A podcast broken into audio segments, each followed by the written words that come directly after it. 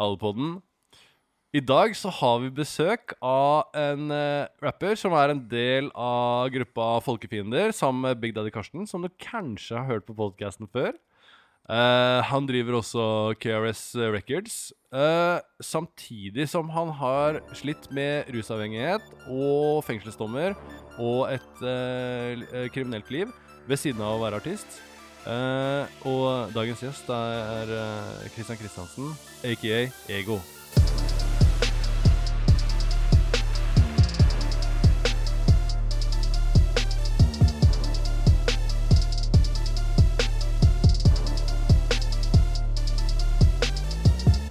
Halla. Yes, hello, hello. En ting som jeg har, har sett For jeg, jeg, jeg gjør jo en del research. Mm. I barndomstida di så hadde du en mor som sleit med angst. Mm. Og da blir det liksom sånn Jeg har jo jeg har veldig mye venner som har slitt med angst, og det er en uh, problemstilling som ekstremt mange mennesker kan kjenne seg igjen i, og som Mm. veldig mange mennesker liksom eh, føler på i livet sitt. Mm. Men jeg har ikke egentlig tenkt så mye på at uh, Samtidig så sitter det barn her, Mm. og de barna skal vokse opp med Mm. en voksenperson som på en måte ikke klarer å være helt delaktig i sitt eget liv, og kanskje ikke barna sitt liv og sånn. Mm. Hvordan føler du at den oppveksten var? Var det liksom, Måtte du bli eh, tidlig voksen? Uh, Ja. på en måte? Jeg syns det er så rart, for du vet, jeg har jo kamerater som har hatt en tøff, tøff barndom. Ja. Også liksom, men uh, for min del så var min barndom tøff. På Ja, ja, ja, på for det er ikke alltid det at du må ikke få juling hver Nei. dag for at det skal være en tøff barndom. Nei, liksom. og det er akkurat det som er liksom sånn å sette et stempel på hva som er tøft. Det har vært litt vanskelig, og det er jo sånn det er litt vanskelig å snakke om for man har jo ikke lyst til å oute eh, foreldrene Nei, sine nei, heller for mye. Men eh, for min del så var det jo sånn Som barn da så vet man jo ikke hva angst er. Man ser jo bare frykt, og barn kjenner jo veldig mye på sånne type følelser. Mm. Så når jeg så den angsten uh, i mamma, uten at jeg egentlig visste hva det var, så skapte jo det en frykt i meg. Ja. Så ja, man ble født inn i angsten, og angsten satte spor i meg. Følte du at det, det samme kunne skje med deg? Var du liksom Eh, redd for det? At du kunne havne i den samme situasjonen? ja. eller? ja, jeg var veldig sånn, hva var det mamma er redd for? Hvorfor for ikke mamma går ut? Hvorfor vil ikke mamma på butikken? Hvorfor er Ja. det pappa som må handle? Ja, ja, ja. Og hvorfor går ikke hun ut av soverommet i dag? Hvorfor har hun ligget på soverommet helt siden ja, fra jeg har vært på skolen til jeg kom hjem fra skolen, så har hun ligget på samme plass. Hva er det som skjer? ja, ja, ja. Så ja, jeg var jo Ja, på grunnlag av det jeg begynte hos psykolog når jeg gikk i andre klasse. På grunn av. Ja, ja. Så da var det liksom PP-tjenesten og Hadde det funnes noe barnevern i den bygda jeg hadde vært, så hadde jo Ja, hadde ikke jeg vært hjemme da. ja, ja, ja. Så det var ganske kronglete, kronglete på barneskolen og de tingene der. Men var du var, eh, For det, du følte ikke på noe angstfølelse sjøl Eh, i den tida der? Nei, ikke liksom? Det var mer Men var sånn du redd for ting? Var du, tenkte du liksom tanken sånn Hva er det hun er redd for der ute? Burde jeg Ja, være redd for ja. det? liksom? Det er akkurat Ja. den, det er de tankene man får. Og så får, hadde jeg jo en lillesøster som jeg var, hun ble født da jeg var fem. Eh, og da begynte jeg allerede å kjenne på det her eh, av vanskelig med min mor. da. Og så, ja, Pappa hadde jo sitt, og ja, de kommuniserte veldig dårlig. Eh, og da fikk jeg jo en sånn ansvarsfølelse allerede der òg. Og hvem er det som passer på henne? Hva er det som skjer med henne når jeg er på skolen? og så det ble veldig mye sånn Ja, den frykten mamma hadde, man skjønte jo ikke helt For hun satte jo ikke så ord på det til Mm. meg, men man skjønte jo at det var noe. Og etter hvert som ble eldre, så skjønner man jo liksom at det kanskje blir litt sånn ja, suicidale ting. Og så Mm. hører man kanskje hun snakker med en venninne om liv eller død, da, så Mm. begynner man å stresse, da. Fordi man føler jo at uh, Men fikk du en følelse av det som barn, at moren din var potensielt suicidal? Ja. ja. Jeg var veldig redd for Ja, det høres jo rart ut, men jeg var veldig redd for å komme hjem og mamma ikke var der. Ja, ja, ja. For det ja, Om hun klarte det eller orka det. Eller, ja. Så man har overhørt veldig mye rart. da. Ja, for det er stress. Man tenker ikke så over at eh, de barna faen, de får med seg alt Mm. som skjer. Og Mm. fra de er jævlig små. De får med seg Ja. alt som skjer. Ja, ja. Så alle de telefonsamtalene og alle de tinga som man sier, som liksom man sjekker Ah, kidsa ser på TV. Eh, Mm. Ja. Jeg må bare fortelle om det her. De kidsa ser ikke på TV lenger med en gang de jorda der kommer. De er rett på, liksom. Man hører det med en gang. Og man merker det på stemning, og merker Nei, jeg vet ikke. Både meg og min søster har jo ja, kjent på dette hele, helt til vi Men hvordan var, eh, hvordan var eh, um, Når du ble gammel nok til å for gå på ungdomsskolen, da, Mm. tok du mer og mer ansvar hjemme etter hvert som du ble eldre, eller tok du mindre ansvar hjemme? Jeg tok min Jeg gikk den andre veien. Ja. Dessverre eh, på mange måter. Jeg var veldig sånn eh, Ja, barneskolen var veldig mye Man ble litt mobba, da. For man er jo ikke helt til stede i hverdagen. Ja, ja. Så barneskolen var mye mobbing. og jeg hadde én venn, og så hang jeg veldig mye med jentene. For de hadde jo ja, følelser og ikke sant? Så Ja, da kunne ja. man jo snakke Som litt du med. kanskje ikke fikk noe ordentlig Nei. bagasje til å drive med hjemme? ikke sant? Ja, ja. Så man hadde liksom jenter og venninner, litt eldre venninner som man snakker med, eller nabojenter da, som uh, man kunne Ja, som hadde litt forståelse for situasjonen der man kunne, kunne ikke snakke med gutter i syvende klasse Mm. om hvordan at man var redd for sin mor. Mm. Men det kunne man kanskje gjøre med en jente i tiende klasse da. Så det ble jo litt som sånn. Eh, men uh, når jeg begynte på ungdomsskolen, så snudde jo veldig mye. Eh, og da begynte hun å bli litt lei å ta ansvar. Hun hadde jo fortsatt veldig stor ansvarsfølelse for min søster. Mm. Men da begynte hun å bli eldre og liksom gikk sin vei. Eh, så ungdomsskolen så var det litt sånn Da ville jeg leve, og jeg ville leve veldig hardt. Så Mm. det ble veldig utagerende. Mm. Ganske, ja, 9. klasse var veldig utagerende. Mm. Veldig. Så da snudde det veldig mye. Er det en sånn uh, eh, all oppmerksomhet er bra oppmerksomhet-greie? Hvor Ja. at eh, så lenge man får en oppmerksomhet, for det får man ikke hjemme Nei. Så uansett hvor man får det fra, uansett hvorfor man får det, så lenge oppmerksomhet er oppmerksomhet, så er det en Mm. positiv greie, ikke sant? Jeg tror, det ble, jeg tror det ble veldig sånn. Ja. Det var veldig mye sånn konflikt med lærer og Men da begynner folk å se deg, ikke sant? Ja, veldig så, sånn. Og så får man litt smaken på det. Mm. Så det var veldig sånn ja, Jeg likte jo veldig på den tida der å fronte mot lærere, liksom. Og se hvor langt jeg kunne dra det. Ja. Og jeg dro det jævlig langt. Eller sånn Ja, det var Og fistfights og Ja, og det var ja, spesielt en gang som jeg kasta en stol på en lærer, og så begynte hun å blø i Ja. ansiktet. Det var en voksen dame. Jeg vet da faen hvorfor jeg gjorde det heller. Det var fordi hun snakka til meg feil. Ja, ja, Hun hadde tålt ikke å bli snakka til. eller ja, sånn. ja. Og så selv om jeg hadde kastet en stol, så går jeg opp og så tar jeg den stolen så slår jeg henne et par ganger til med den stolen. Det var ganske uh, unødvendig. da. Eller sånn som jeg tenker bare Ja, Det er ikke pent i det hele for en syk jævla idiot jeg var da. Men eh, jeg vet ikke Føler du at det er sånn eh, eh, Nå hopper jeg kanskje litt eh, kjapt inn i det, men føler du at du da har funnet en situasjon som du kan kontrollere? Fordi at du kanskje Mm. ikke har så mange situasjoner i livet som du har noe kontroll over. Men, sånn, men så ser man at eh, Oi, faen, jeg kan kontrollere den situasjonen her. Mm. I verste fall med vold, da. Mm. Det høres veldig rart ut. men Når du er vokst opp med den fryktfølelsen for noe, selv om ikke det var vold jeg frykta, Ja, så vet man hva den frykten gjør. Ja. Så jeg tror Når jeg begynte på ja, du vet hva den frykten gjør når du gir den til andre, på en måte. Ja, Mm. og da ble det liksom Det ble selvtillit å spille på frykt. Mm. da, At liksom sånn Ingen som visste hvor de hadde meg, Mm. for det var en løs kanon. på en Ja, måte. ja. Og det var ikke bra. Eh, Det tok lang tid før jeg fikk uh, kontroll over det. Men så visste jeg liksom, jeg hadde ikke noen foreldre heller som fortalte meg hva som var rett eller galt. Ja. eller sånn, Ble sendt hjem og utvist fra skolen og sånne ting. Det var ingen som brydde seg der, på en måte. Nei, for de har jo nok å styre med på sin egen side. Ja, Så det ble veldig sånn, Ungdomsskolen var ferdig. eh, Mamma og pappa skilte seg eh, på slutten av ungdomsskolen, og da flytta jeg. Og da var jeg ferdig. På en måte, da var det liksom sånn, ok. Du så deg ikke tilbake? Nei, for da var det liksom sånn Alt som hadde vært eh, vokst opp i en liten bygd, og det hadde blitt en del problemer og støy på ungdomsskolen, og ryktet liksom allerede begynte å bli sånn problembane. Synes det var Ja, ja, ja. Eh, så da bestemte jeg bare for å flytte til helvete vekk. Jeg var ferdig liksom med, med ansvaret hjemme eller for min søster. Og jeg følte på mange måter at jeg lot min søster være igjen i noe som burde ja, det er veldig klassisk. Ja, veldig sånn. Hun var jo, jeg var jo 15, hun var 10 når jeg flytta. Det er jo det som er problemet med en gang man Altså, det er ikke en uh, Situasjonen som man er i, lager ikke så mye Kall det traumer, da. Mm. Som de valga som man må ta. Det er Mm. valga man må ta av ofte som er problemet. Mm. Men så når du flytta, hvordan eh, For da har du muligheten til å på en måte eh, begynne på nytt. Mm. Et nytt sted, da. Mm. Jeg tipper jo da at valget blir å begynne beinhardt fra starten av, Veldig. kanskje. For da, ja. da kan man begynne på null, og man kan bare ha, Ja. ha det kjemperøft Ja. helt fra go, liksom. Ja, og så kan man være den mystiske. Ja. Man trenger ikke å utlevere noe som helst, man kan bare Den der ser det den der får. Ja. Og det var Ja, det ble veldig sånn Jeg flytta fra Søgne, som var en liten bygd, til Grimstad, som er en liten by. Ja. Det er jo en studentby. Mm. Og når jeg flytta der, så jeg begynte jo på skole. Uh, selv om jeg var ikke det som var så veldig opptatt av, selv om jeg prøvde. Så var det litt feil fokus. eh, ganske tidlig fra start. Men ja, det, var, det gikk ganske hardt ut. Jeg flytta til Grimstad. Ja. Hvordan, eh, hvordan havna du i rusmiljøet? Var det den overgangen når du flytta til Grimstad, eller var det liksom allerede ungdomsskolen? Ja, det er mange som tror Jeg vet ikke, for min del så begynte jeg veldig seint. Jeg begynte Første gang jeg røykte hasj, var jeg 19. Mm. Men da hadde jeg solgt hasj i to år, da. Fra 17 til jeg var 19. Og så Ja, ja.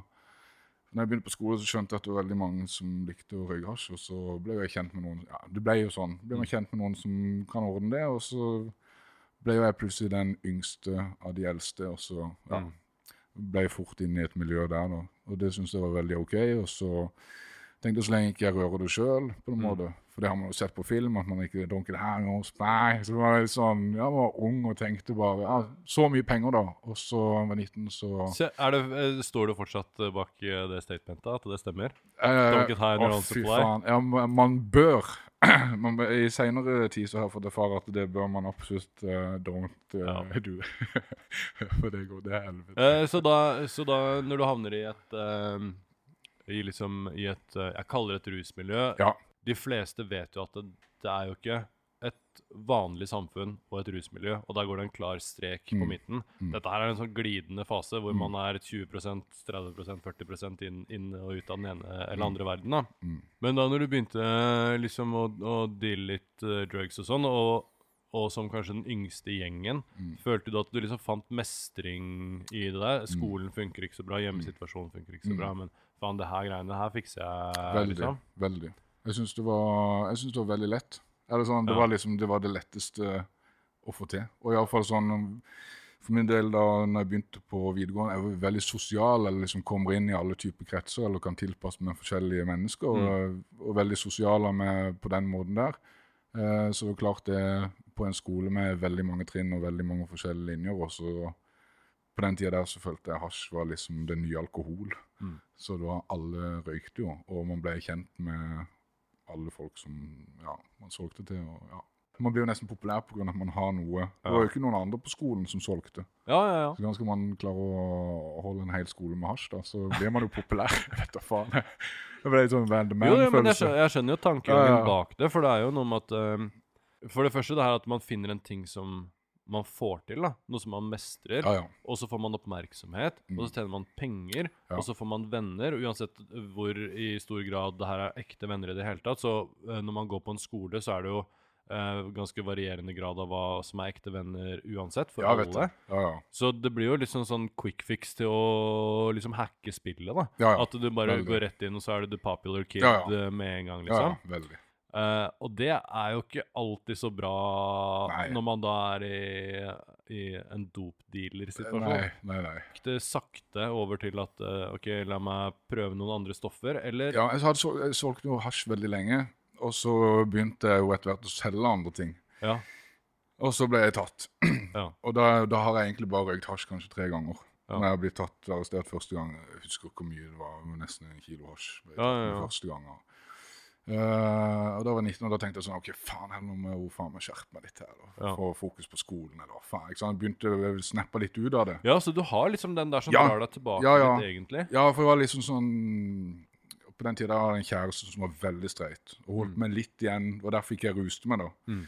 På den tida der følte jeg. Og så, nei, så ble jeg tatt, og så ble det jo liksom første gang i varetekt. Du er 19 og skal sitte der nesten i fire uker. Det, Mm. og så De hadde jo funnet det, så det var liksom bare sånn Ja, det var mitt, liksom. Sånn Ja. Og så fikk jeg en dom på det. Men du satt fortsatt fire uker i varetekt? Ja. For det Ja, de hadde Det var mye. Bare fordi det var mye? da, Ja, det eller? var mye 19-åringer som Ja. ble tatt med det. Og så tror jeg det hadde vært uh, Og så har de kanskje ikke hatt det på så- radaren før? Og så ble det så, og jeg, er ja, her, og så liksom? var det liksom på den tida der, vet du, det var ikke noe sånn Man hadde kritliste, og man skrev det ned. Ja. Det var veldig mange ting som ble funnet i to leiligheter da, som ja, var- ja. tilhørte mitt, og så sto det liksom på at uh, ja, hvis ikke jeg tilsto, så var det en annen kamerat av meg òg som hadde blitt tatt av. ja. Så det ble mye styr, men så tilsto jeg det, og så tok jeg det på meg ja, mer enn den tingen som jeg ble tatt med da. Ja. Så, nei, men så får man liksom en sånn god boost, for da har man jo gjort det. Man har tatt ansvar for sitt, samtidig som man har tatt ansvar for en annen, så han går fri.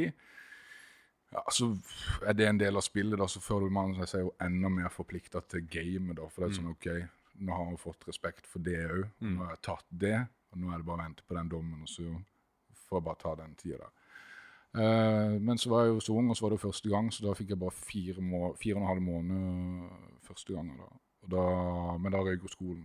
Mm. Eh, Ja, selvfølgelig. og hadde det vært nå, så er jeg sikker på at jeg ikke hadde fått eh, jeg trengte å sitte inne engang, for nå er de så jævlig på rehabilitering. Men da var det faen så strengt. Ja. Det, var sånn, det var sånn, Jeg følte det var jævlig strengt. Det var en kilo hasj, det er jo mye da, på den tida der. Men Ja, det er ikke noe småtteri. hadde jeg blitt tatt, jeg har blitt tatt med mer enn en kilo hasj nå og fått mindre, Mm. for å si det sånn. Jeg tror at hvis det, de ikke hadde gitt meg fengsel så hadde kanskje Nei, jeg tror, jeg vet ikke. Jeg tror kanskje at det, ting hadde vært litt annerledes. Det er veldig farlig å se tilbake på Ja, livet med ja, ja. den der, men uh, Jeg skal ikke legge skylda på Men noen. jeg, men, jeg, jeg føler at det er, er litt på nett. Det er jo noe med å tilrettelegge spesielt da ungdom, førstegangsforbrytelser og liksom De skal leve et langt liv etterpå. Ja, det ble veldig sånn satt i bås. Jeg hadde hatt problemer med politiet før, men ikke på den måten. Aldri på den måten der at man har liksom Men forandra det seg etter at du hadde sona? Når du kom ut da, så var, var det sånn at eh, Ja. Plutselig så var det sånn ja, Der står den uh, Passaten i gata igjen, liksom. Ja. At det var sånn du følte at du hadde Man, på på ja, man følte veldig, og Grimstad var så liten by, så det var liksom sånn narkopoliti i Grimstad. narkopoliti i Grimstad, så Vi var jo en del som drev med ting, men jeg var fortsatt den yngste. Og da blir det fort at ok, det er den personen som vi føler litt med på. Jeg husker Ja. de kom på skolen For jeg begynte jo på skolen, jeg måtte ta et år om på nytt. Ja. Og de kom på skolen i klassen liksom og ja, trakasserte meg veldig da. Det Mens, du, mens du satt i klasserommet? ja, og da, jeg, da holdt jeg faen ikke på med en dritt. Men da hadde jeg jo sona Ja. tida mi, og så hadde jeg kommet ut, og så hadde jeg jo prøvetid på to år, og så kom de ofte på skolen liksom og bare fulgte med og ransakte meg i klasserommet. Det var ganske Jeg vet ikke. Det, for min del, sånn nå som jeg er 33, så hadde du faen ikke funnet meg i det nå, men som i 20-åring eh, følte det var Men liksom da, ta det. men da er, er du jo en ferdig sona Mm. 20-åring som går på skole, Mm. men som blir behandla som en uh, Ja. kjeltring. da. Ja. Og da hvis forventningene fra samfunnet er at du er en kjeltring, Mm. så er det jo ikke så vanskelig å leve opp til det. Så uh, da gikk det sikkert kjapt og gærent. Ja, og da begynte rusen. Jeg holdt meg egentlig litt vekk fra alt et halvt års tid og prøvde å fokusere på skolen, og sånne ting, men så blir man litt dratt inn i det igjen. Og så jeg vet da faen hvorfor det begynte å friste så veldig mye med rus da.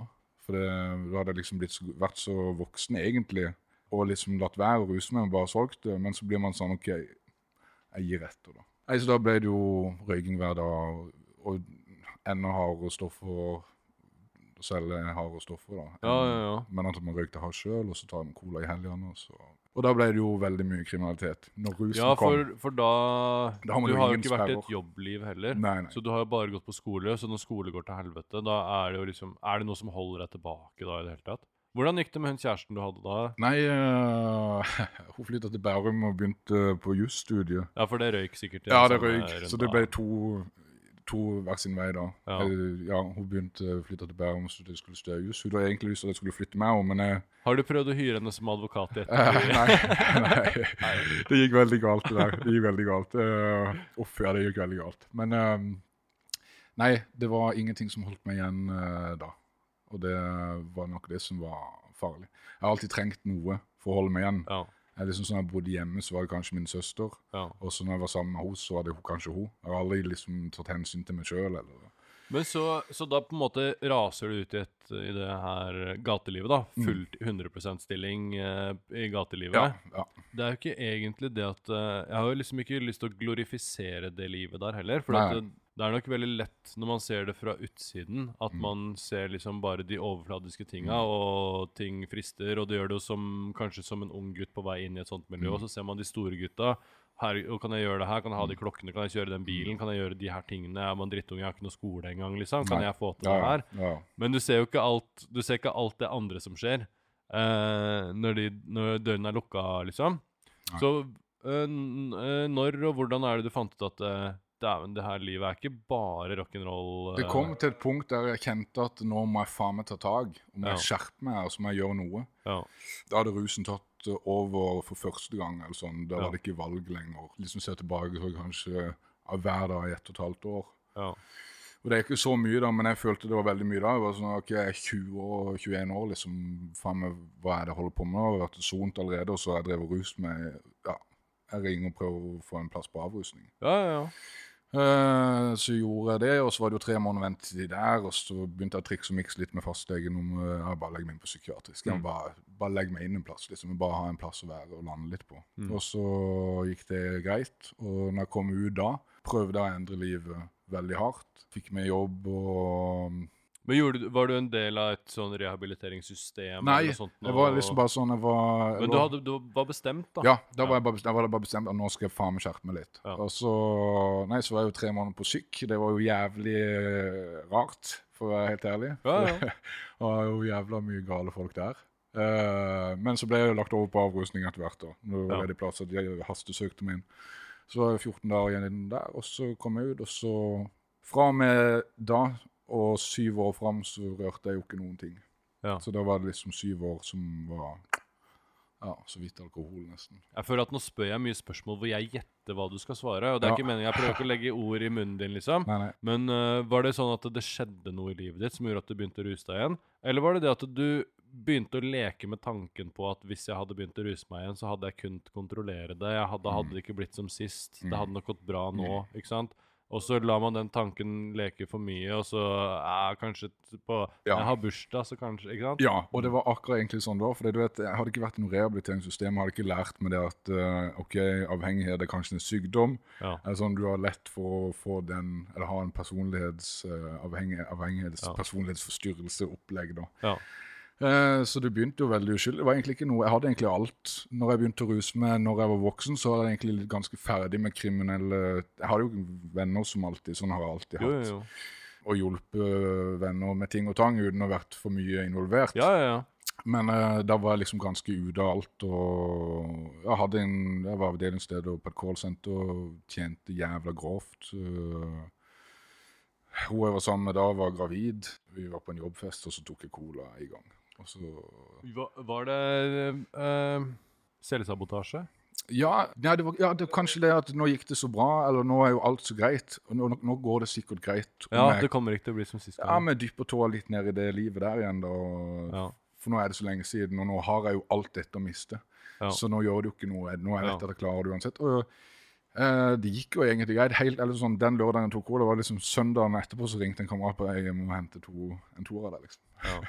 Og den toeren der den hadde liggende kanskje i to måneder, en og en halv måned. Og liksom bare sånn, ok, den skal bare ligge der. Ja. Og så er det som du sier, da så kommer jo bursdagen, da. Ja. Så går det den helga der, røyk da, og så gikk det et par måneder til, og vi fikk liksom ikke den tanken ut av hodet, liksom, Ja. at det var digg. Ja, det var jo en jævla dårlig valg da, i begynnelsen, for å si det sånn. Det var jævla, jeg ser jo tilbake på det, at det er jævla ansvarsløst og dårlig valg, med unge på vei, og Er du gæren? Men, det- men det er jo også det var det som en situasjon meg. som ikke er Ja. Det er jo ikke noe som er unikt for deg. Nei. Vanlig situasjon. Vanlig gåstein. Det var veldig, ja, det var en helt surrealistisk uh, situasjon. Nei, så når hun minste ble født, da hadde det jo begynt å ikke bli valg lenger. Ja. Så det var et jævla sirkus de første månedene å prøve å sjonglere rusavhengighet med at hun ikke har noe Ja, for hun som jeg var sammen med da, og hun hadde en unge fra før, og vil ikke blande inn noe barnevern eller bli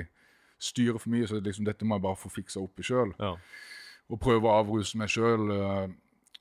ja, men så har man liksom allerede kommet til det punktet der man har begynt å selge ting Ja. for å dekke. Jeg hadde råd til det, men felles økonomi i det vanlige voksne liv kan ikke liksom bare bruke 50 000 på cola. Og så har man allerede den det, Man kan alle de triksa fra før. ja, og så er det så lett, på en måte. Så da mm, Jeg flytta ut uh, fra hun jeg var sammen med da når dattera vår var syv måneder. Ja. Da måtte jeg få alle steder.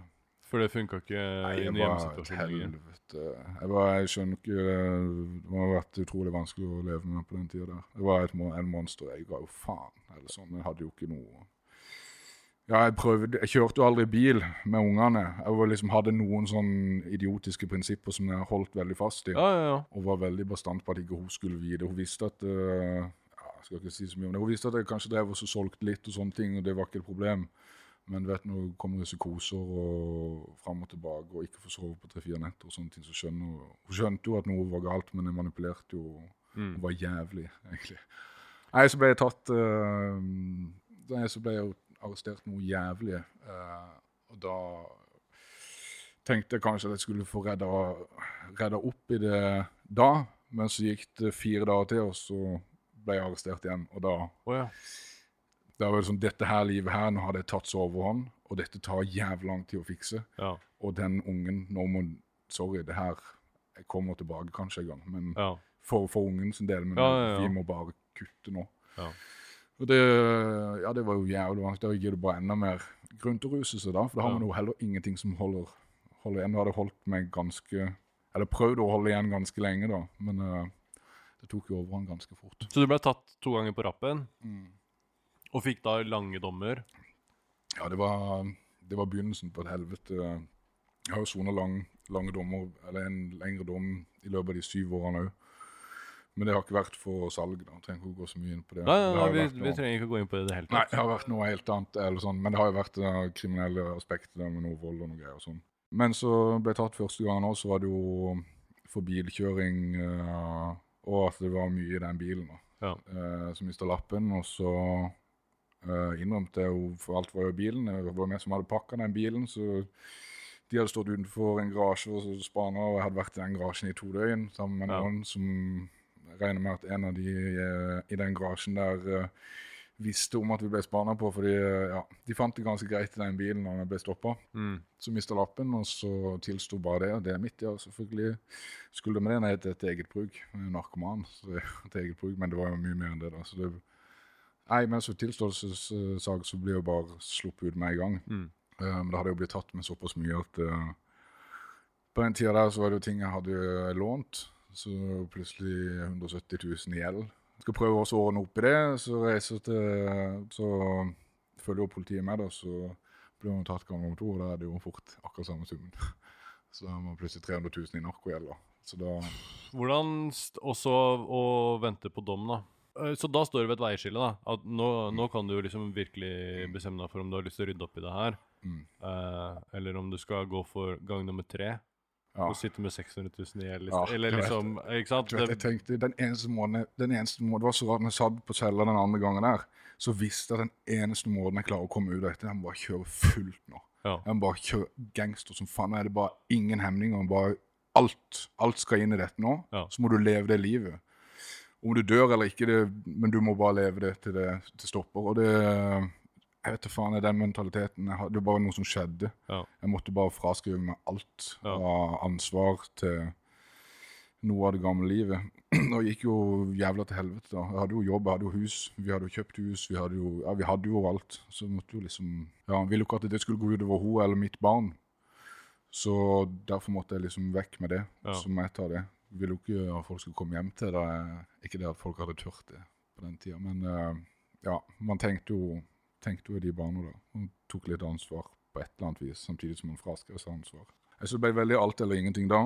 Og så Ja, rusen tok jo jævlig overhånd eh, da. Eh, så begynte å bytte fra kokain til amfetamin. Da følte jeg det ga litt mer eh, brensel på bålet. Og, um, det var et annet miljø. Jeg vant til å selge cola, og det var ryddige folk. Og så kommer man inn i amfetaminmiljøet, som er et skittent, narkomant miljø. Men det er jævlig mye penger der. Ja. Da endrer alt seg. Det er jo ingen verdier eh, igjen i sånne miljøer. Så da kjører man veldig hardt på det. Det halvåret der var det vel Jeg ble vel arrestert 17 ganger. Det var noen av de siktelsene som eh, forsvant litt på bevisets eh, tilstand. Og, og sånne ting. Det var elleve siktelser det endte opp med da. Og ikke alle de som er ferdige ennå nå. Men jeg er jo på en dom nå. ja. Mm. Så jeg soner en dom nå fra bilkjøringa og det fra den første gangen nå, Mm. som jeg fikk på sånn uh, narkotikadomstolsprogram. Men har du, har du vært til noe sånn uh, rehab eller en eller annen form for behandling og sånn nå Ja. i ettertid? Ja. 25. mars uh, 2000 og, 2018 ble det, ja, snart to år siden nå. Ja. Så la meg inn på avrusning. Da hadde jeg søkt meg inn på avrusning to-tre ganger. For det har vært liksom psykoser og vært innlagt på sykehus. Eller hvis jeg hadde blitt arrestert, så hadde jeg blitt kjørt på sykehuset pga. jeg hadde psykose på Ja. cella. ikke sant? Så kjørte jeg på sykehus og så tilbake i varetekt og så mye fram og tilbake. Eh, så da var liksom legen min bare sånn OK, enten må du slutte, eller så plutselig ender du i en rusekose resten av livet. Eller så ender du der for alltid? Liksom. Ja, og så hadde jeg egentlig tenkt egentlig ikke så mye på det. Jeg hadde den her gjelda, og det var liksom alt det som sto hodet på meg. Faen, jeg har ikke noe valg. Må bare ta den Og det her er det livet jeg har. Når man har hatt et hus, man har hatt en jobb Jeg hadde jo 800 000 i året før skatt. Jeg hadde et veldig bra liv før rusen kom. Ja, ja, ja. Til å sitte i en kommunal bolig, da, i en sånn jævla brakke, da, og kaldt vann, faen, doen lekker liksom, Du faen meg bare Det her er det Nav som Og du har sosialstønad, og de trekker den leia på den brakka på sosialstønaden. ja. Uh, og så hadde jeg en overdose da som var ganske ille. Eh, jeg vet ikke helt om jeg gjorde det for meg sjøl, eller om jeg gjorde det for, for de rundt meg som bare sånn OK, du må prøve. Og jeg hadde ikke lyst til å egentlig bli rusfri. Eh, men jeg kom på den avrusninga der, da, så ja, når jeg hadde sovet av med den verste rusen sånn syv-åtte dager, amfetaminrusen hadde begynt å gå ut, og colarusen og alt det, og bare benzo, og litt benzo, eller mye benzoabstinens. eh, men da begynte det å gå opp et lys, da. Det er sånn, ok, Jeg veide 67 kilo, faen bare blodårer og skinn og bein. Faen. Hvor mye veier du nå? Eh, nå veier jeg 90, ja. Ja. ja. Det er liksom det jeg veide før òg. Ja. Sånn, nå er jeg liksom tilbake, men det var bare sånn Men det er, det er 90 kilo med krutt, da. Det sånn. ja, det er Men hvordan var det når at det, når at du plutselig Hjernen kommer online igjen, Mm, mm. og du liksom OK, du begynner å føle deg litt som, som deg sjæl. Ja. Hvordan eh, ser du på den situasjonen da, når du da er, er, er i et sånt system, liksom? Det er et helvete, for du vet at eh, konsekvensene er så store at eh, du vet du aldri kan rette opp i det som har skjedd. Ja. Så motivasjonen min der og da når jeg våkner litt til meg sjøl, er liksom OK, jeg har en datter. Ja. Ok, det er her. Det er kun det jeg må Nå må jeg bare prøve å ikke tenke på noen ting annet. Og så må jeg prøve å få ansvar eller ta ansvar og vise at eh, Ja. Så jeg gjorde det vel kanskje ikke for meg sjøl heller, men jeg fant en liten motivasjon i at eh, jeg har satt et barn til live, så hun skal ikke lide for at pappa er en kjeltring, på en måte. Hvor, hvor gammel er datteren din nå? Nå er hun tre år. Så hun, hun har på en måte bare kjent deg som den personen som du er nå, ikke sant? Ja. Det Fordi nå, nå før det vil hun antageligvis ikke huske nei, det første halvåret så var jo jeg så mye på farten Mm. når Da var det min eks som ja, Det hadde jo vært hele veien, som har hatt ansvar eh, sånn. Eh, Så da var jeg så mye på farten. Jeg var jo ikke mye hjemme, på en måte. Og når jeg flytta ut, så var jeg jo ja, iallfall ikke til stede i det hele tatt. Så det var liksom fra, fra hun var litt over ett år, da jeg hadde lagt meg inn på avrusning, så ja, så fikk jo jeg se henne nesten for første gang på et halvt år, da, på en måte. Så um, Hvordan var den opplevelsen? det er jo jævlig. Ja. Eh, Det var jævla vondt. Fordi du klarte du å føle på liksom det positive med gjensynet, eller sitter du Eller er det mye skam, liksom? Det er mye skam, ja. Veldig mye skam, veldig mye skyldfølelse. Man vet man aldri kan ha henne 100 Ja. på en måte, og man vet ikke når man i det hele tatt kan ha et samvær med henne. eller Ja. sånn, Og så kjenner man den connection uansett for det er din datter. ja, ja. Eh, Så det var en jævla Det var en veldig vanskelig eh, situasjon, og det er det jo ennå. Eh, Og så skal man takle den på en måte nykter Mm, veldig. Alt av følelser og alt sånt. ikke sant? Man var vant til å døyve det ja, enten med kriminalitet eller rus. Da kriminaliteten slutta jo ikke uh, med en gang jeg ble rusfri, dessverre. Men uh, jeg ble uh, når jeg ble rusfri, så var det jævlig vanskelig å takle de følelsene uten rus. eller Mm. ja, Vanskelig liksom stå i det, da. Konsekvensene var Ja, konsekvensene er store å stå i ennå, Mm. på grunn av akkurat det. da. Mm. Så, men det, det går riktig vei. Jeg har hatt uh, to ganske lange år med, ja, med ganske restriktive tilsyn. Sånn, uh, ikke fra barnevernet eller noe. eh, De har ikke vært så blanda inn på grunn av at min eks har tatt ansvar sjøl. Liksom at 'dette får du fikse opp i, dette får vi finne ut av'. Mm. Jeg får bare ta tid, da. Så ikke blande inn noen instanser sånn. Av og til føles jo det litt eh, rart, men eh, sikkert rettferdig, da. Mm. Så det var første gang eh, ja, nå i eh, forrige uke som jeg hadde hun hjemme uten tilsyn. Mm. For første gang på to år, da. Og det har vært en syk reise. Men føler du mestring i det? Jeg føler, ja, Det er jo det eneste som gjør at det har vært verdt det. Eller Ja. sånn som jeg tenker sånn, ok, shit, dette er bra. Nå, Det tar, en, tar veldig veldig lang tid, eller sånn to år med tilsyn, det er Ja. ganske lenge, men jeg har gjort det veldig riktig. Jeg har jo levert tre urinprøver i to år, og blodprøver og, på grunn av henne. Ja. Uh, Så jeg føler jo at det er liksom ikke det er fortjent nå.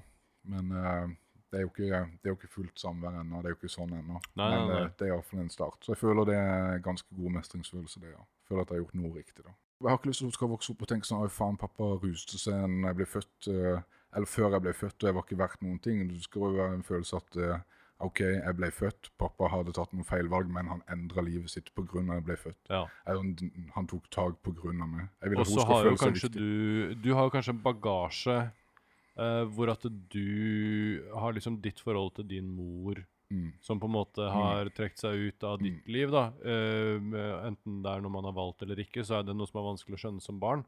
Uh, så datteren din har jo på en måte ikke levd med den følelsen, men det kommer jo til å komme kanskje spørsmål og sånn underveis. Ja. Men du vil kanskje ha bedre bagasje til å Ja. liksom guide hun gjennom OK, så uh, pappa har gjort sånn her, og pappa har gjort Mm. sånn her, og hva som uh, hun trenger å vite eller ikke, og sånn, det er Mm. jo én ting. Men uh, en annen ting er jo den liksom følelsesmessige bagasjen som du har, da. Mm. Hvor, hvor du kan relatere til det hun på en måte går igjennom. Ja, da. Ja, absolutt. Som sikkert kommer til å være en helt sinnssyk styrke når du kommer til Ja. 10-årsalderen, 15-årsalderen. Mm. Uh, Venninnene hennes har noen Mm. som kjenner foreldrene dine, eller ikke sant? Hvor at Mm. eh, de begynner å kanskje høre om deg fra andre steder og sånn. Mm. Pluss at du vil jo da ha den bagasjen at Mm. jo, jo, men ikke sant? jeg har 15 år med det her. Det Ja. her er det alle Ja. rundt meg kjenner meg som det her, liksom. Så hva som skjedde i gamle dager, det, veier, det veier jo ikke Nei. tungt på en måte da. Nei, nei. Ok, Kan vi snakke litt om uh, musikk, uh, musikken? Yes. Det er mye sånn tørre fakta som ikke er så interessant å høre om uh, for folk alltid. da. Ofte Mm. når man hører sånn musikkintervjuer og sånn, og folk begynner sånn Ja, i 2007 så ga jeg ut den sangen, og det, ikke sant? Ja. Så alt det der er ikke Kjedelig. alltid så interessant. Ja. Men hvordan og liksom når i livet er det du begynte, begynte med rap? Eller begynte med rap på ordentlig, liksom? Det var da jeg var 19. Mm. Ja, da begynte Så når du fly, flytta, liksom? I den ja, perioden der? ja, det var ellers sånn jeg, I Grimstad så hadde jeg hadde en kamerat som hadde drevet litt mer eh, rapp, og vi hadde drevet med litt graffiti sammen, og hadde skrevet litt tekst og sånne ting, og bestemte meg for å lage en kjærlighetssang til jeg var sammen med, og hun var sammen med da. Eh, og brukte tid på det, og så ga jeg ikke den ut, men jeg ga den til henne. Og så har jeg jo vist den til kamerater, og de bare du er jævla flink'. Jeg var sånn, ja, Greit, jeg kan jo prøve, da. Og så, Ja, ja. Nei, så begynte jeg liksom bare sånn litt smått sammen med han kompisen Det er nok sagt, da. Vi hadde en gruppe som het Konspiranoia først. Følte du at det kom naturlig for deg? At det, Eh, følte du også at det var enkelt, på en måte? på en måte, samtidig som jeg følte I begynnelsen følte jeg ikke at jeg var god til å rappe. Eller sånn, Det tok veldig lang tid liksom før Da jeg begynte å liksom catche det flerstavelsesrim og de tingene der, så merka jeg at jeg tok det veldig lett. Ja. Eh, og det er jo veldig lett å prate i takt. Eller jeg følte ja, ja. Det, det ble jo veldig sånn, da. Så det ble jo Og det er en ting som Og eh, Beklager hvis jeg avbryter deg, Mm. men det her Men og ofte så bare sier jeg de tingene som jeg tenker når jeg Ja. tenker på det. For det er bare er, Hjernen min fungerer eh, i mange retninger på en Ja. gang.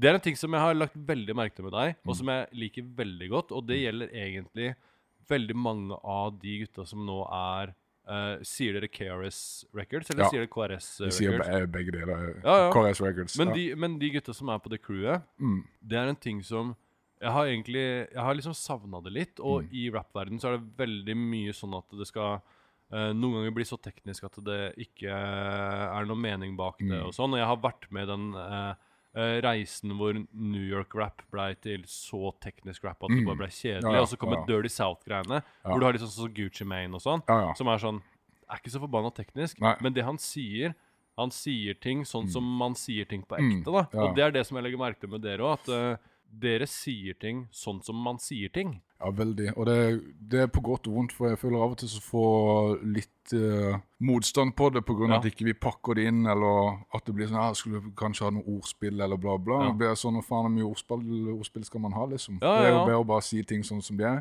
Og det er Eh, veldig naturlig. Det er en veldig sånn naturlig måte å Mm. få fortalt en historie Ja, på, en, en setting på. Ja. da At man får det Altså, med mange rappere skal, Nå skal jeg ikke drite på noen, men mange rappere kanskje liksom De bruker ord og setningsoppbygginger som Det er ikke sånn du snakker på ekte. Det Nei. vet du, liksom. Det er, vet det. Du kan det. høre første bar, så kan du høre på Mm. enderimet hva enderimet i bar nummer to kommer til å være. Ja, ikke sant? Det kan du predikte allerede på den første Ja, baren. det, Fordi at det er, så, det er lagt opp så unaturlig. Ja. Det, men det verste er rappere som uh, leser litt i ordbøker og så finner fremmedord som de plasserer helt feil, og så Ja. Skal de liksom være noe sånn De skal være noe mer enn det de egentlig er. Ja, ja, ja. Og så hører du at det er ikke OK, hva er det du holder på med Og da, her? da blir det ikke autentisk Nei, lenger, nei, nei. liksom. Og i hvert fall sånn som jeg leser det fra deres pakke, da, så Mm. det autentiske er jo kanskje det viktigste, liksom. Ja, veldig. Samtidig som jeg ser ting som Jeg kan liksom ta enkelt Jeg kan ta, jeg kan ta bars fra liksom tekstene eh, dine og, og tekstene til, til et par av sånn som Lilleglenn og sånn, og på en måte analysere det dypere Mm. enn det det ser ut som på første øyekast. da. Som et eksempel er eh, de barsa som er Hun bare kutter kokainen, mann. Sitter i bikini, og bikinien er ikke fin engang. Som er Og det er bare Det er liksom veldig rett fram bars, bare. Ja, ja. Altså Det er bare en setting, men det beskriver også Ja. livssituasjonen. Jeg liker veldig der å male et bilde. Det har alltid vært viktig for meg. Det trenger ikke å Ja, være ja, ja. sånn Det trenger ikke å liksom formuleres veldig mye ordspill, men at man kan se for seg en Ja, gitt den situasjon. settingen kan du ja, se. At det er liksom sånn, Da ser du for deg en dame som sitter i bikini, og bikini er ikke fin, men er sikkert jævlig deilig, hun dama. Ja, men også, også, en, også uh, Når man tenker enda mer på det, så, så tenker jeg liksom Så til og med i den Når man lever det her livet, da, Mm. så til og med i den situasjonen hvor du har en fin dame Mm. som sitter og, og kutter opp uh, drugsa dine, Mm.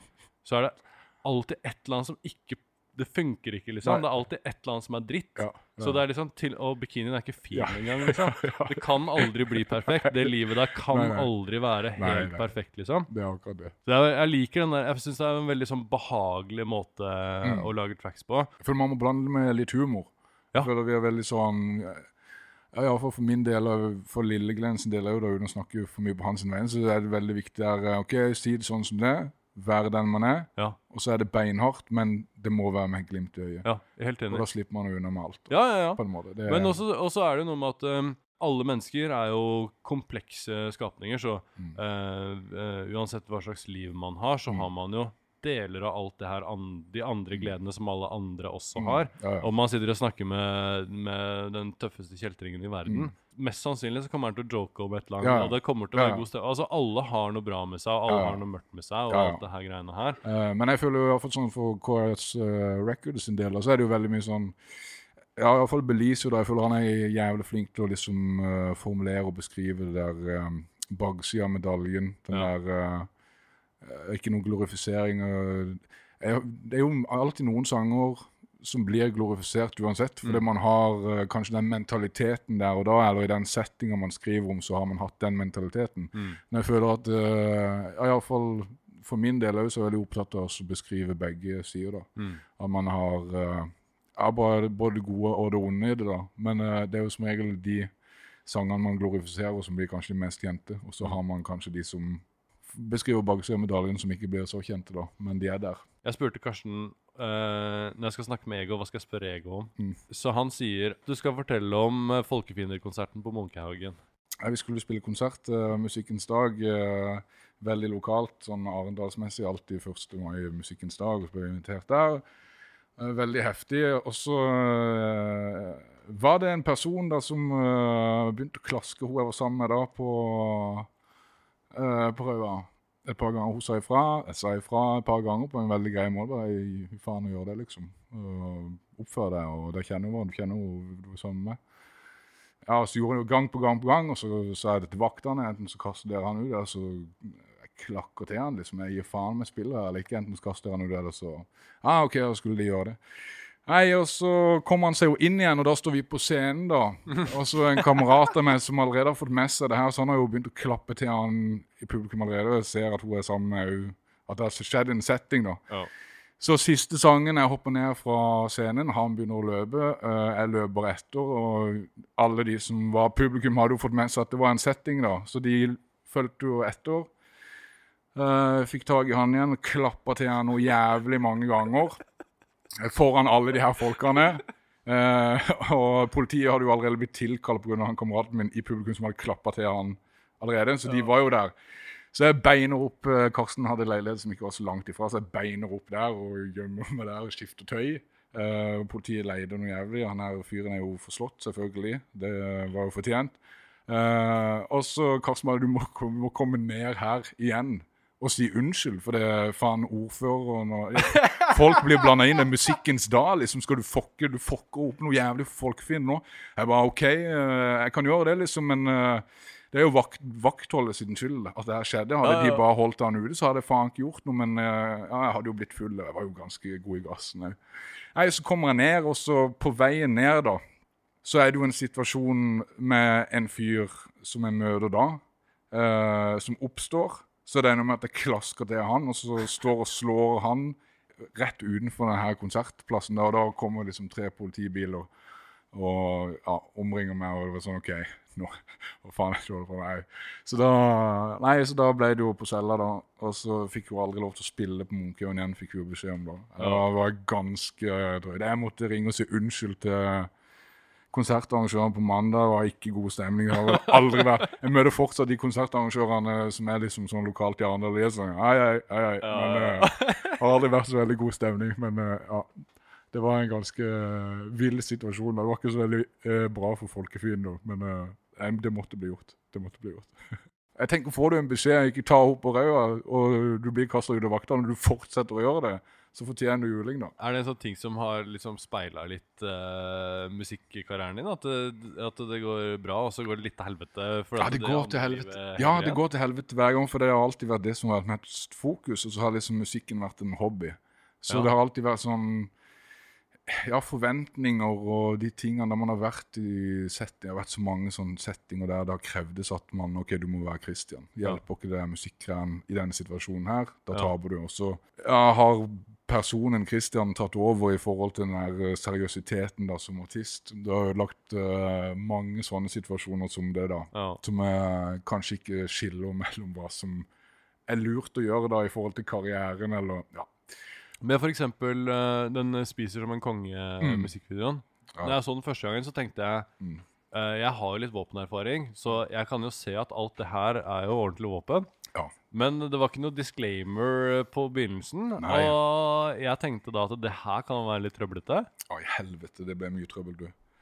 Nå, meg og en, en kamerat av meg som har satt sammen den videoen vi filma, bare filma noen rappklipp, og så, og så sa det Øy, jeg har en del klipp her. Vi bare vi bruker de, liksom. Bare Ja, ja. prøv å sladde ansikt, og så, så bruker vi de, og så, så er det greit. Så tenkte jeg sånn, det er jo ikke så kjent, det er ikke så mange som gidder å sjekke den videoen ut. Sikkert legger den på ULTV-en, det er liksom ikke sånn Jeg vet ikke, akkurat på det tidspunktet der jeg hadde adresse hos min mor, selv om ikke jeg bodde der, så var det liksom sånn ting jeg hadde Det var ikke noe far... Jeg tenkte sånn, blir det razzia nå?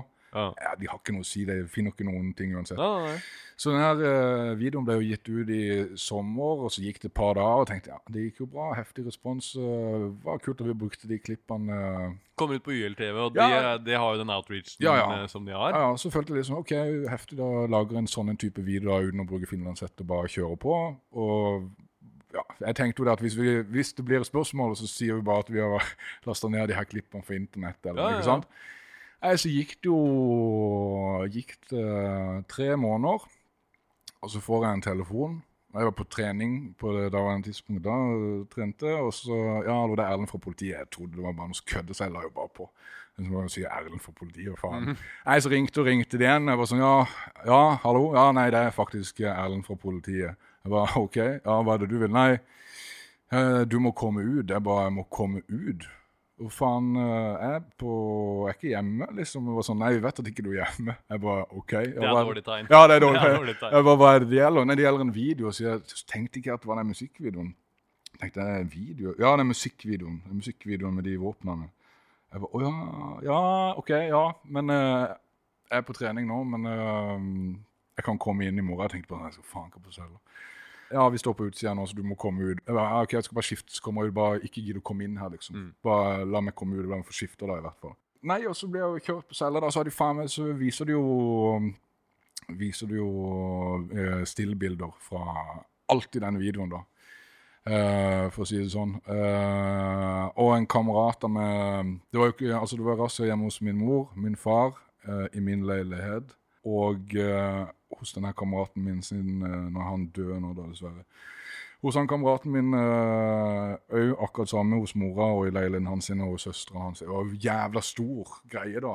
da det ble jo funnet 14 våpen og to håndgranater. øh, og en del kontanter på grunnlag av de rassene på de forskjellige plassene uten å nevne hvor. Mm. Så det ble et uh, helvetes kaos, for å være helt ærlig. Så da var det jo eh, Ja, heldigvis fikk jeg gitt en beskjed, så det der på uh, I søppelkassa der, det ble jo henta og alt sånn, og så ble det varetekt, og det ble sittende der en stund. Fikk beskjed av advokaten. Jeg sa til advokaten etter faen hva jeg skal gjøre. Han bare enten snakker du sant, eller så holder du kjeft. Vi vant å holde kjeft, så det er jo greit, men ble jo sittende der jævla lenge da. Uh, jeg hadde fått beskjed av politiet at de hadde henta en til. Og jeg tenkte bare faen heller, liksom. Det er sånn, Da har jo min musikkvideo gått utover noen andre òg, da. Og det, det var jo jævlig kjedelig med de 14 våpnene, de håndgranatene. Kjedelig situasjon, da. Eh, jeg slapp jo ut etter hvert, for det ble ikke funnet mer enn noe kontant og, eh, hjemme hos eh, min far på det daværende tidspunkt, selv om jeg hadde adresse hos mor.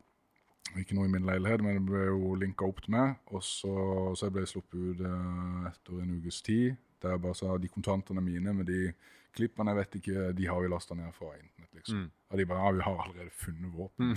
Så ja, er det mitt, mine fingeravtrykk på? Tror ikke det. Eh, da har vi mine fingeravtrykk på ja, en av de her Sten-gunsa, da. Som, det er jo automatvåpen. Ja, for det det skulle ja, det er automatvåpen. Én ting er jo kanskje en, en revolver, for Ja. eksempel. En annen ting er når Ja. det er fullautomatvåpen, og det er sprengstoff og Ja, ja, og det var akkurat det de håndgranater sa. Og det var derfor jeg tenkte sånn Åssen i helvete har dere lov til å komme hjem til meg, eller når jeg har adresse hos mor, så når- hvorfor er det hos min far? Nei, pga. automatvåpen. Mm. De var jo Pappa klikka jo, det var jo Han sa han hadde telt 17, 17 stykk Mm. som hadde vært i huset av politiet. For er det sånn du har stor, stor greie, da. Uh, det var veldig, stre veldig stress. Eh, nei, så de fant jo de automatene, så var det noen fingeravtrykk på det. da. Uh, så det var jo ikke Jeg tenkte ikke det ville bli så jævla mye kaos, da. Men uh, nei, det ble jo veldig kaos. så det var jo en pågående etterforskning. det er jo det er jo egentlig en pågående etterforskning på noen ting nå. men nå er jo han, min kamerat Jan Hånstuen Willefred, han døde jo av overdose for ikke så veldig lenge siden. Mm. Så den saken er litt pausa uh, på grunnlag av det. Men er det, mange, er det mange av de vennene fra det miljøet som har gått bort uh, opp gjennom Ja, det har vært jævlig mange. Det har vært spesielt uh, Når jeg var veldig sånn aktiv i rusen sjøl, så legger man ikke så veldig mye merke til det. Men liksom sånn bare på de årene jeg ruste meg ganske heavy før jeg la meg på avrusning nå i voksen alder, så iallfall sånn fire nære kamerater som var liksom sånn Ja, det var jævla tungt. Er det sånn, For de hang med og sånne ting. Og så blir man rusfri, og så det halve året når jeg var rusfri, så var det òg sånn Ja, når jeg var på avrusning, så døde Kevin Space, da. Han var en jævla god kompis av meg. Jeg var veldig mye i Oslo og var veldig mye der fram og tilbake og ting og tang. Og den der traff jo ganske hardt. Ja. Liksom på utsiden av det lille Ja. miljøet dere så, da. Eller det på en måte kriminelle Ja. miljøet. Det var veldig, og det var jævla tungt. eh, For han han møttes i en sånn livssituasjon der vi tok vare på hverandre begge to. og Ja. Det var et godt forhold da, som eh, gjorde veldig mye galt sammen, men var veldig gode for hverandre på mange måter. Eh, så når jeg ble rusfri, eh, og han ble jo ikke rusfri, da, men det hadde jo skjedd et par eh, situasjoner der med noe machete og noe sprengstoff i Sverige. Mm. Det var det siste jeg hørte fra han da. og, eh, og spurte om jeg kunne være med på et eller annet. Jeg sa jeg kan ikke det nå. Jeg sånn, venter på en rettssak. Nå jeg eh, ja, ute av behandling og skal inn behandlingen og bare kulene litt nede. Som akkurat nå. Jeg, så gikk det et par måneder, så fikk jeg en telefon da mens jeg var i behandling om at eh, om at han var gått bort, eh, og veldig mye spekulasjoner om hva som hadde skjedd der, uten å gå for mye inn på det. Mm. Men det var veldig mye spekulasjoner i det, og fikk permisjon i hvert fall mens jeg var på behandling eh, med prestefølge opp uh, for å være med i den begravelsen. da. Så det var ganske heavy. Og da gikk det opp veldig mye sånn ok, dette kunne vært med. Er det sånn, Jeg følte meg ganske ferdig med rus, men jeg følte veldig sånn det var jævla vondt. Er det sånn, Mm. For han var jo livsglad sånn som jeg kjente han. Har liksom mista livet på den måten der på grunn av, på grunn av det livet, egentlig, da. Så da, ja, det gikk veldig inn på meg. Og så er jo sånn han kameraten min som uh, forhold til musikkvideoen nå. Det er tøft. Hvordan er det når du ikke har trengt å takle sånne ting fordi du har rusa deg? Er det sånn at når sånne ting skjer nå, så Mm. føler du at det hadde vært så mye enklere hvis jeg hadde rusa meg? Ja, veldig. Jeg tenker, Det, det, bar, det høres jævlig barnslig ut å si det høyt, men allikevel når man har vært i behandling, sånn, så er det jo en sånn ansvarsfølelse man snakker om det. da. Men det er jo en sånn barnslig følelse hver gang det skjer noe sånn. eller en sorg, eller noe som man kjenner litt i magen, så er jo første tanken at man bare ruser det vekk. Ja. Det er en veldig utfordring å komme ut fra øh, den rusavhengigheten og fra et sånt miljø der man har ganske nære venner, og det går veldig mange som ja, forsvinner da, og så skal man takle det uten å gå tilbake. Samtidig som ja, i begravelser så møter man hele det miljøet igjen da, for eksempel, og så, så er det det man tenker på. Det er sånn dobbel sorg da. Mm. Sånn, man mister en venn, og så mister man jo rusen, eller sånn, man blir minnet på at Så det er ikke Nei, når man først har vært eh, rusavhengig, så jeg føler jeg nok det er den første følelsen eh, følelsen man kjenner på at man har lyst til å, å døyve eller glemme. eller ja. Men da samtidig så lærer man seg jo aldri verktøyene for å takle det uten rusen, da. Hvis, man, eh, hvis man går til den løsningen hver gang, liksom. Ja, jeg føler det har um, Det har vært veldig langt, Uh, men nå, nå jeg føler jeg ikke Jeg kan aldri si at jeg aldri skal ruse meg igjen, for det vet man ikke. Det har man ikke noen garanti for. Men jeg føler at jeg iallfall uh, er kommet til det punktet nå at uh, jeg hadde ikke rust meg på affekt eller rust meg på Mm. følelser. Jeg hadde vært, det hadde vært et tilbakefall som hadde vart veldig lenge før jeg hadde rust meg, tror jeg. Mm. Og hadde nok søkt hjelp eller spurt om hjelp eller vært ærlig med fastlege eller ja, før det hadde gått til det punktet. Hvordan syns du det tilbudet er i Norge, du som har vært igjennom det? Altså For min del i forhold til behandlingssystemet, så syns jeg det har vært jævlig bra. Ja. Og det jeg har funnet Jeg fikk en plass på ARA, og det er liksom gruppeterapiopplegg. Um, når jeg var på avrusning, så fikk jeg liksom beskjed vi hadde lyst til å enten liksom på Byglandsfjord, eller det er en sånn terapeutisk samfunn der det ikke er noen terapeuter, men man skal liksom leve leve sammen da med folk som Ja, så er det en langtidsopplegg, men det var ikke noe for meg.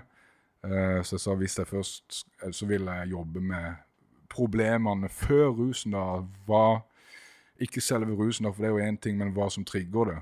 Og da var det liksom det jeg fikk presentert av ARA, da, med gruppeterapi og med to terapeuter og ja, døgnbehandling. da, så var la meg inn der først, øh, på ARA døgnbehandling. Det var et veldig veldig bra opplegg. Jeg fikk veldig mange verktøy, men jeg ble øh, skrevet ut der etter fire uker pga. et regelbrudd. Det var kjipt, men det var litt sånn det var. Eh, og så fikk jeg en ny mulighet til å inn der igjen, da. Men jeg ble fulgt opp. Og blitt, ja, det er jo egentlig der jeg blir fulgt opp nå òg, i forhold til den dommen da, Mm. som jeg gjennomfører nå. Så er det liksom et av kriteriene at jeg følger opp den behandlinga der. Men det har vært veldig bra. Jeg synes det øh, Ja, det har, jeg hadde ikke klart det uten. Ikke denne gangen. Mm. Jeg følte jeg klarte det sist, uh, når meg inn på avrusning eller sånn. Da jeg var yngre, men da var ikke problemene så omfattende som det er nå. Jeg som skjønner virkeligheten i det når det, konsekvensene blir så store som de har vært. Mm. Det hadde vært alfa og omega. Jeg tror ikke jeg hadde sittet her den dag i dag hvis ikke det hadde vært for det behandlingstilbudet. Et ganske sterk eh, ting å innrømme, da. Ja, ja. Man blir svak på det der greiene der. Hvordan har du fått til å være liksom på behandling og liksom ta et så stort oppgjør med deg selv Mm. og dunke ut fuckings 16 sanger eller hva det er for noe Ja, som du er med på uh, i fjor? Jeg vet ikke, mange av de sangene som uh, ga ut i fjor, mange av de, noen av de er spilt inn i rus. Mm. Så det var vanskelig å gi ut øh, Det har vært vanskelig å gi ut noe av den musikken der som ikke representerer den nå. Mm. Og så har det bygd opp til forventninger og kanskje litt skam på noen ting. Eller sånn Spiser som en konge ble spilt inn Den sangen ble spilt inn mellom de to første gangene jeg ble arrestert. Så Mm. når jeg kom ut da, så trua han meg inn i eller sånn, Jeg ble egentlig kasta ut fra et studio i Kristiansand. og jeg, Du kan ikke spille inn i den formen. Mm. Men pistolen på bordet bare sånn Jeg skal spille inn den sangen. Så jeg fikk spilt inn den uh, 'Spiser som en konge', og det ble Det var ikke populært. Det, det har ødelagt veldig mye for meg sånn musikalsk Kristiansand forhold til det musikkmiljøet der, da, av akkurat den episoden der. Så um, Men i forhold til å gi ut all det musikk Jeg føler det har vært litt som terapi for meg òg. Kanskje å liksom få utløp for noe av de følelsene langs veien. Og så, ja, så har jo fokus vært riktig, da. Jeg har liksom sånn jeg har bestemt meg når jeg ble rusfri at ok, nå er jeg så gammel og har sett på musikken som en hobby så lenge, men nå har jeg sett det de siste årene at det jeg har spilt inn mens jeg ruser meg, det kan bli mye bedre nå som ikke ruser meg. Mm.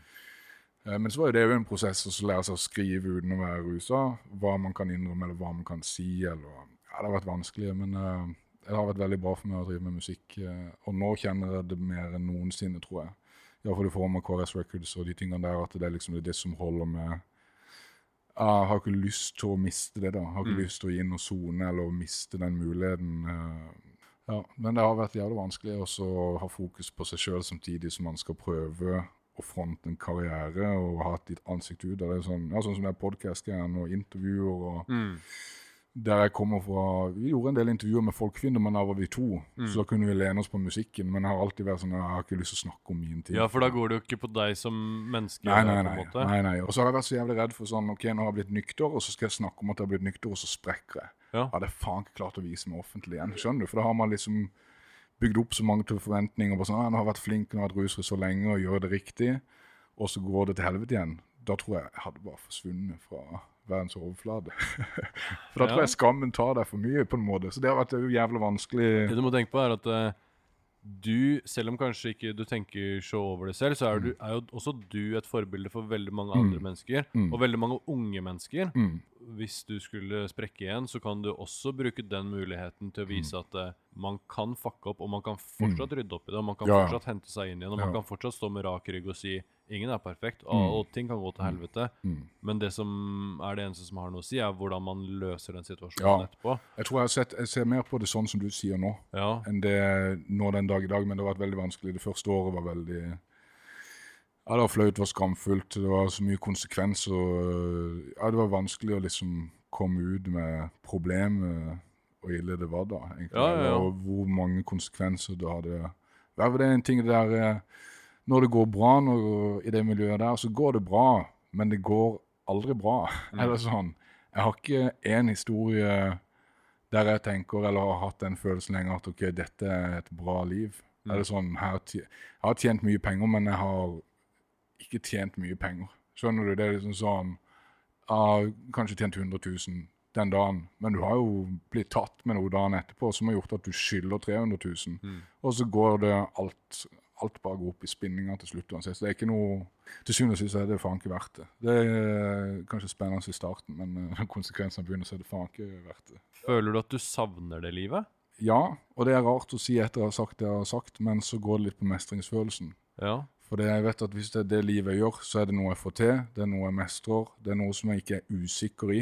ja. Eh, det er ingen, Fordi du vet at uansett hvor, hvor mye det drar seg til, Ja. så kan du alltid skru det et uh, Ja. hakk hardere? hardere, liksom. Jeg vet at eh, det er noe jeg har kontroll på. Ja. Det sånn, selv om man har loven og regler uh, mot seg, eller sånne ting, så er dette noe jeg kan, dette er noe jeg har kontroll på. Og dette er noe jeg vet hvordan man gjør det.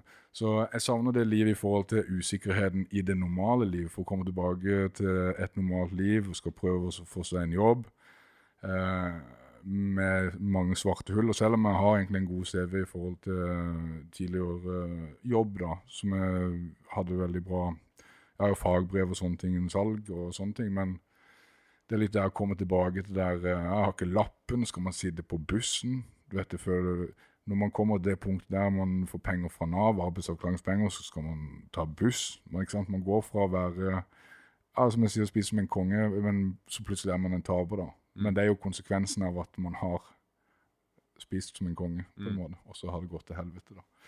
Så det er jo um, Ja, man savner det livet uh, ofte, men så er det jo en grunn til at man kanskje ikke velger det. Det her er en ting jeg lurer på. Mm. Hvis du kunne, og det her har jeg spurt om mange gjester, men det er alltid en morsom ting å spørre om. Hvis du kunne gått eh, tilbake i tid og snakka til deg selv, eh, ti år gammel, hva hadde, hva hadde du sagt? Eller liksom, hvilke råd hadde du gitt? Og liksom, for det er jo uh, på en måte råd som uh, hadde gjeldt for deg i ditt liv, men det er også en ting som speiler mange andre sin, sin situasjon. da. Uh, jeg hadde kanskje sagt at du må finne noen voksne som du stoler på, og så må du snakke med dem om hva du tenker, før du gjør det du har lyst til. Ja.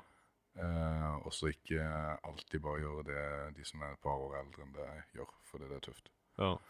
Og så kanskje uh, sagt at du må ha litt mer tillit uh, til folk som vil deg vel, eller ja. ja. Jeg gikk til psykologen da jeg var ti år, da, så jeg hadde ikke noe tillit der. på en måte. Så hadde jeg kanskje brukt eh, de rammene jeg fikk da fra PP-tjenesten litt bedre, så kanskje Eller stolt på de voksne, eller hva de hadde Det hadde vært lettere å gi meg råd som 20-åring, for da hadde jeg jo skjønt litt mer. Men uh... Ok, La meg høre hva du har sagt til deg selv som 20-åring. nei, da hadde jeg bare sagt gi faen i de jævla krimgreiene. Ja, Til syvende og sist så spiser det deg opp. ja. Det hadde jeg sagt, da. Tror du at du hadde trodd på det som 20-åring? Jeg tror nok jeg er en person som lærer av å feile. Jeg sånn, jeg, for jeg klarer ikke Jeg har ikke klart å ta dritt fra noen, og jeg har ikke klart å ta råd fra noen. Ja. Det er liksom sånn at jeg bare gått min egen vei, og det har gjort at ting har blitt veldig kronglete for meg. ja. Så jeg har nok diskutert veldig mye med meg sjøl som Ja. 20-åring. For det- Men eh, det hadde nok vært en interessant samtale, ja. Det er ikke sikkert du hadde tatt dine egne Nei, jeg tror ikke det. Hvordan ser du på framtida? Nei, jeg ser uh, på framtida Akkurat nå uh, Det siste halvåret så har jeg liksom følt at det har vært litt uh, giv igjen. Eller sånn funnet litt tilbake til eh, positive ting der jeg fikk meg kjæreste. Det var veldig bra for meg. Jeg er avhengig av kanskje å ha noe som gjør at jeg holder meg litt på matta mer enn meg sjøl. Ja. Og hun klarer å speile meg på mange måter og sånn hva faen er det du tenker nå? Ja. Ikke sant? Så kan jeg liksom bli litt tatt på det. Er det bare sånn Ja, hva faen er det jeg tenker på nå? Ja. Så hun holder meg veldig eh, ned på bakke, eller gir meg litt bakkekontakter. Det har vært veldig bra for meg. Og da er det som man ser litt sånn framtid med henne òg, da. Det er jo trygt og godt. ja. Og så er det det at man har fått litt bedre kontakt med, med jentungen, da. At man ser at uh, det kan løsne seg på sikt. Det Ja. At eh, man kan få henne mer og være en stor del av livet hennes sitt, da, som man kanskje ikke har fått lov til å være pga. de konsekvensene. da. Mm.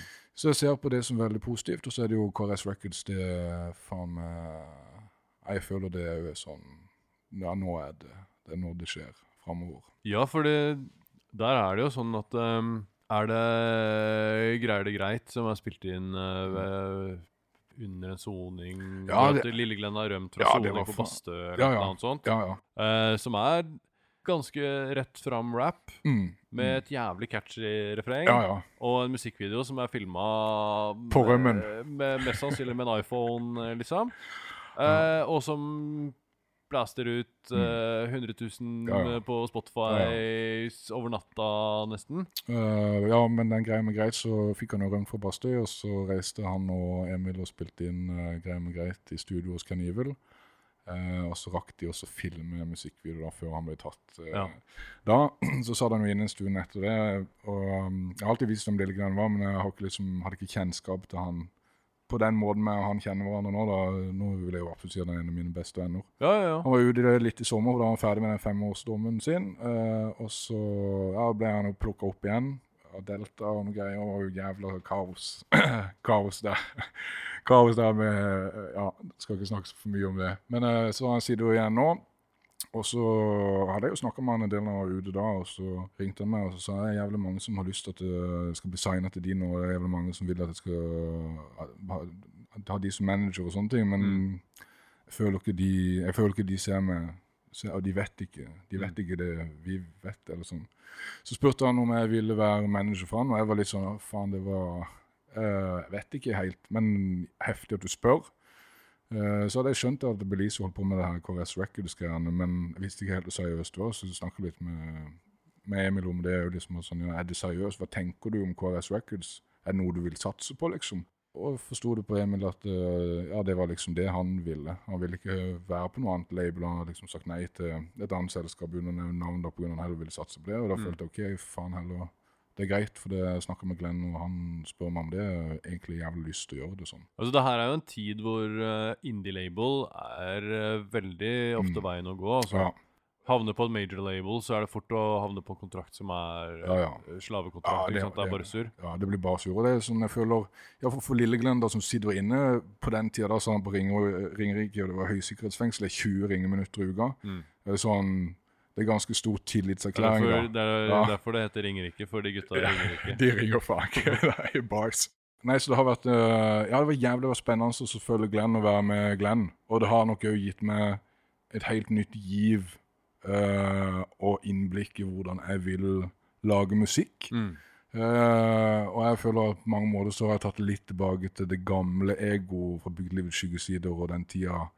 For det er liksom det Lille Glenn og de har vokst opp på. Mm. Eh, De har hørt på meg, og så har vi og Glenn funnet en veldig god tone og kjemi på hvordan vi ønsker å lage musikk.